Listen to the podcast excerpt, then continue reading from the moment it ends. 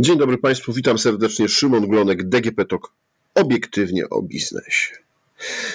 Dyrektywa Work-Life Balance e, wreszcie wchodzi do polskiego porządku prawnego. E, powinno zadziać się to już e, jakiś czas temu, bo w 2022 roku, no ale z lekkim poślizgiem w kwietniu będziemy mieli już istniejącą implementację. Jak do niej muszą się przygotować e, pracodawcy? Jakie oczekiwania w związku z tą dyrektywą i z implementacją mają pracownicy? E, czy pracodawcy muszą, nie wiem, na przykład zmieniać formularze elektroniczne albo papierowe? E, czy trzeba zmieniać systemy kadrowo-płacowe?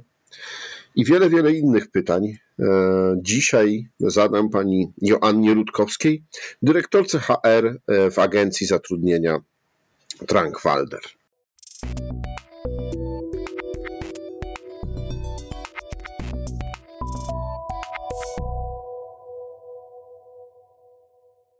Dzień dobry. Dzień dobry, witam panie Szymonie. No, można powiedzieć, że ten rok obfituje nam w wiele zmian, jeśli chodzi o prawo pracy. Tak, zdecydowanie to jest, e, to jest rok e, ogromnych zmian w kodeksie pracy. E, jeszcze żeśmy sobie do końca nie poradzili ze zmianami dotyczącymi wdrożenia ustawy o pracy zdalnej, a już w bardzo krótkim tak naprawdę terminie, bo mamy tylko ten czas na zaimplementowanie zmian 21-dniowy, E, czyli de facto te zmiany będą wchodziły w życie już 26 kwietnia, bo ustawa została opublikowana w Dzienniku Ustaw. Mm, e, e, także to są rzeczywiście bardzo kolejne zmiany. Jak gdzieś nawet czytałam takie, takie, takie sformułowanie, że w związku z wdrożeniem tych dyrektyw unijnych to są dodatkowe wnioski o work-life balance dla działów kadr i dla działów HR-u, bo bardzo, bardzo rzeczywiście dużo pracy po naszej stronie. No to e, powiedzmy e, taką generalną zmianę, jaka jest, jaka wprowadza na, jest przez tą dyrektywę, czy przez e, implementację jej. Mhm. No i żebyśmy tutaj byli mm, dokładnie zgodni z z, e, z tym, z czym mamy do czynienia, to mamy do czynienia tak naprawdę z ustawą tak zwaną Work-Life Balance, która wdraża dwie unijne dyrektywy. Jedna mówi o przejrzystych i przewidywalnych warunkach pracy w Unii Europejskiej, a druga dyrektywa mówi o równowadze między życiem zawodowym a prywatnym, ze szczególnym uwzględnieniem ról rodzicielskich i opiekuńczych. E, I w oparciu o te dwie dyrektywy została stworzona w Polsce ustawa, właśnie ta ustawa Work-Life Balance, tak zwana, e, i to są e, bardzo konkretne zmiany w kodeksie pracy. Tak naprawdę to są to największe zmiany w kodeksie pracy na przestrzeni ostatnich chyba 20 lat. Więc to są zmiany dosyć istotne i tych zmian jest bardzo dużo.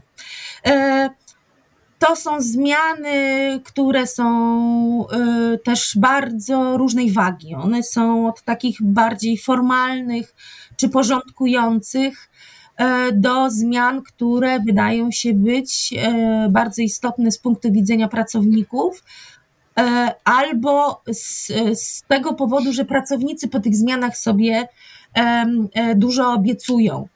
No niemniej jednak wszystkie te zmiany rodzą sporo, e, sporo pracy, właśnie jeżeli chodzi o, o te działy, e, które się tym zajmują, czyli działy kadrowe, e, działy HR-owe oraz działy IT. Jedną ze zmian, które pewnie warto podkreślić, jest to, że wreszcie ustawodawca dostrzegł, że funkcjonujemy w świecie cyfrowym.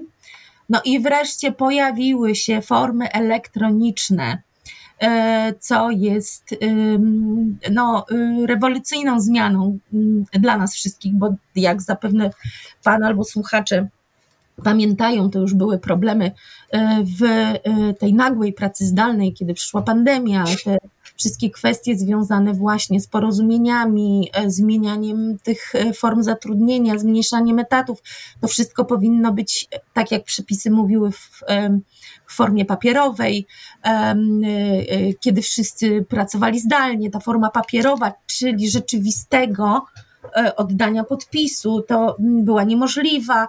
No, bardzo dużo z tym było zawirowań, interpretacji, prawnicy się głowili. W tej chwili wreszcie mamy rozwiązanie. Ustawa jasno mówi, że wszelkiego rodzaju wnioski, opinie, decyzje, e, wszystko to może być w formie również elektronicznej, która jest równoważna e, formie papierowej. E, I to jest rzeczywiście duża zmiana, taka na plus. Niemniej jednak, oczywiście, ona mm, generuje sporo, sporo pracy.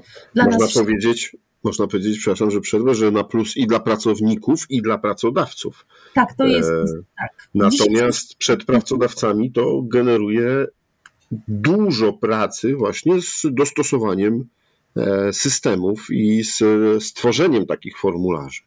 Tak, oczywiście, e, dlatego że z jednej strony my oczywiście musimy e, potworzyć te wszystkie e, wnioski, te wszystkie formularze, odpowiedzi, to wszystko treściowo musi być zaopiekowane, natomiast z drugiej strony rzeczywiście musi być to, po pierwsze, muszą być dostosowane systemy kadrowo-płacowe, gdzie muszą te wszystkie rzeczy być odkładane, jak to mówimy, tak? One muszą być rejestrowane. E, wszelkiego rodzaju właśnie wnioski, odpowiedzi, one muszą być rejestrowane, one muszą znaleźć swoje odzwierciedlenie e, w teczkach pracowniczych.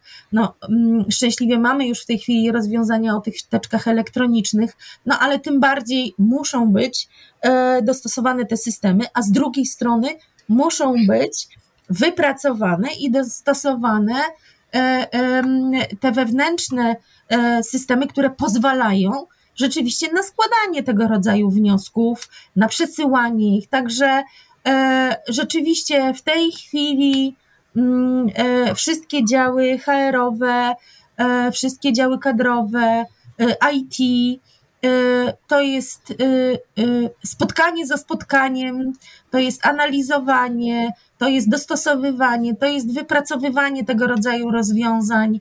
E, tak jak mówię, no nie zakończyliśmy albo jesteśmy dopiero mm, na ukończeniu tych prac związanych z rozwiązaniami pracy zdalnej, a tu już mamy e, nowe i to w krytycznie, w krytycznie krótkim czasie. Bo to wszystko musi wejść e, w życie zgodnie z prawem 26 kwietnia. Tak. E, no dobrze, a co jeszcze pracodawcy muszą e, dostosować, e, jeśli chodzi na przykład o umowy o pracę? Czy tam są jakieś albo umowy o dzieło, umowy zlecenia, które obecnie są realizowane albo będą zawierane? Czy pojawiają się nowe mm, przepisy, nowe rzeczy, które muszą się znaleźć w takich umowach? Mhm. E tak, ponieważ mamy do czynienia z, ze zmianami w kodeksie pracy, to gro rozwiązań, e, o których mówimy, dotyczą pracowników zatrudnionych na umowę o pracę, dlatego że te rozwiązania e, kodeksowe w, nie dotyczą pracowników e, na umowę zlecenie, czy też no, pracowników na, zatrudnionych na B2B, jako że są to umowy cywilnoprawne i podlegają po prostu pod inne rozwiązania e, prawne. No niemniej jednak są pewne elementy, które oczywiście również się do nich odnoszą. Jeżeli chodzi o zmiany dotyczące umów, to najważniejsze zmiany dotyczą E, konieczności uzasadnienia wypowiedzeń umów zawieranych na czas określony. E, dotychczas było tak, że umowy na czas określony mogły być zawierane e, w okresie 33 miesięcy, trzy takie umowy i nie musiały one, one mogły być wypowiadane bez, bez podawania bezpośredniej przyczyny. E, chętnie były wykorzystywane przez pracodawców z, e, z tego względu, że one rzeczywiście dawały elastyczność. Elastyczność też rozumianą w, w takim sensie, że można było można było jakoś dostosowywać te poziomy zatrudnienia do sytuacji ogólnorynkowej i gospodarczej, która jak wszyscy wiemy od czasów, od czasów pandemii jest kulejąca, bardzo zmienna, nieprzewidywalna, na to wszystko nałożyła się wojna i to wszystko razem powoduje, że trochę, trochę ciężko nam jest operować i wnioskować i, e, i planować z, z bardzo dużym wyprzedzeniem. E, dlatego też pracodawcy mm, chętnie korzystali z tego rodzaju rozwiązań. Z drugiej strony chętnie również z nich korzystali e, z racji na to, że Polsce jest, obowiązywał do tej pory trzymiesięczny okres próbny który był pewnego rodzaju e, kompromisem pomiędzy, e, pomiędzy pracodawcami a pracownikami, czy też organizacjami e, związkowymi, który de facto był przeznaczony w dużej mierze na to, żeby obie strony, bo trzeba pamiętać, że okres próbny służy zarówno pracownikowi, jak i pracodawcy do tego, żeby się zorientować rzeczywiście na ile ta praca, to zatrudnienie jest Mm, dla mnie interesujące, na ile ja rzeczywiście mam możliwość e, realizować swoje zamierzenia zawodowe, natomiast pracodawca ma możliwość, żeby zobaczyć, czy ten pracownik e, faktycznie sprawdza się u nas w organizacji, sprawdza się w zakresie powierzonej e, roli i obowiązków, rokuje na przyszłość, tak? Natomiast ten trzymiesięczny okres próbny był najczęściej za krótki. E, umówmy się, że taki minimalny okres, w którym rzeczywiście można sprawdzić pracownika, to jest pół roku. E, I właśnie w tym kontekście były wykorzystywane te umowy mm, okresowe. E, najczęściej po okresie próbnym wielu pracodawców zawierało umowy roczne, które już z jednej strony dawały pracownikowi takie poczucie, że ten okres nie jest wcale taki krótki, a pracodawcy dawały tą możliwość zachowania elastyczności, gdyby coś się działo.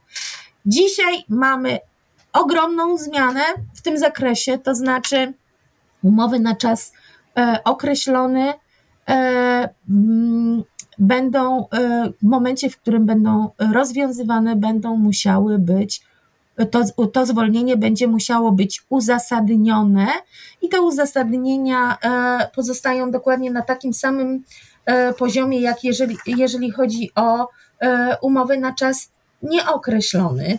E, w związku z czym trochę e, wydaje się, że one tracą swoją zasadność e, i, mm, i właśnie pracodawcy tracą tą elastyczność, jeżeli chodzi o zatrudnienie. To też rodzi najwięcej mm, kontrowersji, jeżeli chodzi o pracodawców, bo istnieje obawa, że właśnie ze względu na konieczność zachowania tej elastyczności, być może szereg organizacji e, znowu e, będzie szło w kierunku umów zleceń e, albo, albo w ogóle jakiejś szarej strefy, właśnie po to, żeby nie narażać się na te ograniczenia, ograniczenia prawne w kontekście możliwości rozwiązania e, współpracy z jakimś pracownikiem.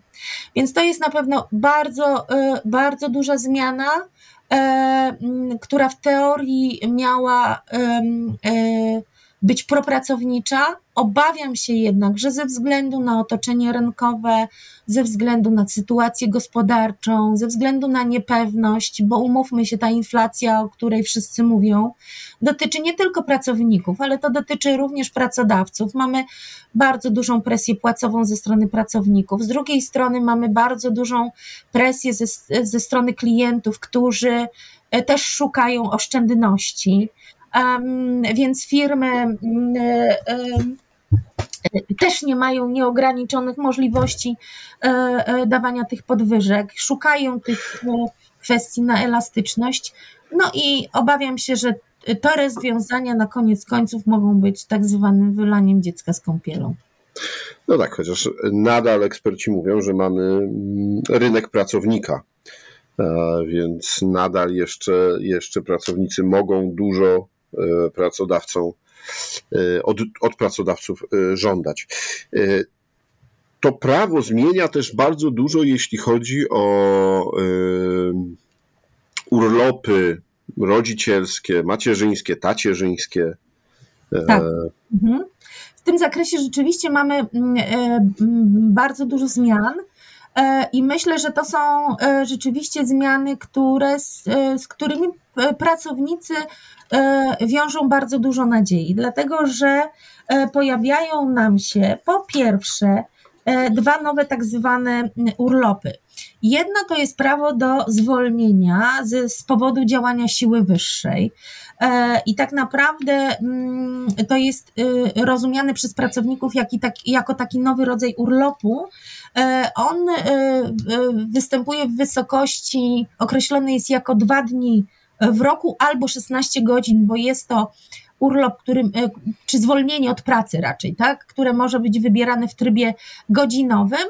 No i właśnie mm, to jest e, mm, takie e, wolne ze względu na wystąpienie nieoczekiwanych okoliczności, coś się stało w sprawach rodzinnych, trzeba coś załatwić, istnieje w tej chwili taka możliwość, żeby, żeby skorzystać z tego rozwiązania. Warto jest zaznaczyć, że to zwolnienie od pracy jest odpłatne, e, ale w wysokości 50% wynagrodzenia obliczonego co do zasady jak wynagrodzenie za czas urlopu wypoczynkowego. Natomiast drugi urlop to jest, ten, to jest urlop tak zwany opiekuńczy, e, o którym e, dosyć dużo rozpisywała się prasa swego czasu bo występuje ona w, w wysokości pięciu dni w roku. E, natomiast ma pewne bardzo konkretne ograniczenie. Po pierwsze, on dotyczy mm, osób, które muszą zaopiekować się swoimi bliskimi e, ze względu na ich ciężki stan zdrowia, więc to nie jest tak powszechnie dostępny dla wszystkich urlop, dlatego że wnioski, które musimy zbudować, muszą zawierać szereg bardzo konkretnych informacji. W tych wnioskach trzeba będzie podać imię i nazwisko osoby, która wymaga takiej opieki czy wsparcia. Tam musi być, ta osoba musi być e, członkiem naszej rodziny, czyli trzeba podać stopień pokrewieństwa albo przynajmniej adres e, zamieszkiwania tej osoby, jeżeli tego pokrewieństwa nie ma. E, I to, co ważne, to ten urlop jest bezpłatny. To znaczy, decydując się na wzięcie takiego urlopu, e, pracownik musi liczyć się z tym, że za ten dzień nie otrzyma, nie otrzyma wynagrodzenia. W związku z czym mm, trochę zawsze mnie dziwiły te, e, te tytuły prasowe, jak to teraz strasznie dużo będzie tego urlopu można mieć, bo, bo tak jak mówię, nie dotyczy on po pierwsze wszystkich, a po drugie jest bezpłatny i nie każdego stać na to, aby e, z takiego urlopu korzystać. Myślę, że to będą rozwiązania e, naprawdę incydentalne, szczególnie, że my mm, obecnie mm, mamy takie rozwiązanie w pewnym sensie, dlatego że istnieje coś takiego jak zwolnienie lekarskie na członka rodziny, e, które, e, które ma wymiar aż 14 dni, a nie 5 i jest płatny w wysokości 80% wynagrodzenia. No jest to zasadnicza różnica, więc myślę, że że jeżeli będzie konieczność rzeczywiście takiego dłuższego sprawowania opieki, to, to pracownicy będą bardziej szli w kierunku tego rozwiązania, a ten urlop pięciodniowy będzie rzeczywiście wykorzystywany incydentalnie w jakichś absolutnie wyjątkowych sytuacjach. Y, no dobrze, z punktu widzenia pracodawcy, wróćmy do, do tego. Trzeba y, nowe formularze elektroniczne, trzeba przejrzeć umowy o pracę i tam wprowadzić y, niezbędne zmiany. Jakie mhm. jeszcze takie najważniejsze zmiany ustawa wprowadza? Mhm. Jeżeli chodzi o e, te zmiany i, konieczność wykonywania pracy po stronie pracodawców, to naprawdę jest tego dużo. I w zasadzie, jeżeli chodzi o każdą z tych zmian, to ona po stronie pracodawcy rodzi bardzo konkretne działania i tak naprawdę na wszystkich polach i w zakresie, i w zakresie budowania tych formularzy, e, wprowadzania zmian w regulaminach pracy, wprowadzania zmian w e, procesach, wprowadzania zmian we wnioskach, e, także być może wprowadzania zmian, jeżeli chodzi o właśnie procesowanie różnego rodzaju tych spraw w ramach organizacji.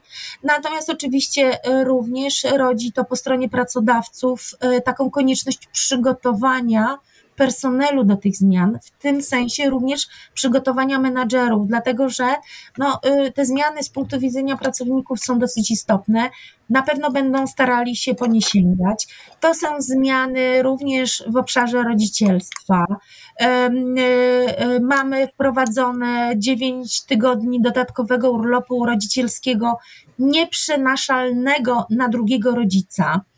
E, a zatem e, mm, będzie to wymagało od pracodawców takiej zmiany mentalnej dotyczącej tego, że e, obecnie no, mamy takie podejście, że najczęściej w tym kraju dzieci to mają głównie kobiety. Mm, nikt nigdy y, nie zarzucał, że mężczyźni na rozmowach kwalifikacyjnych dostają pytania y, o to, czy są ojcami, czy nie. Natomiast w tej chwili rzeczywiście będzie, y, będzie Takie trzeba... pytanie może się pojawić. Może, co prawda ono jest niezgodne z prawem, pamiętajmy o tym, natomiast, natomiast no, to był zawsze jakiś taki aspekt.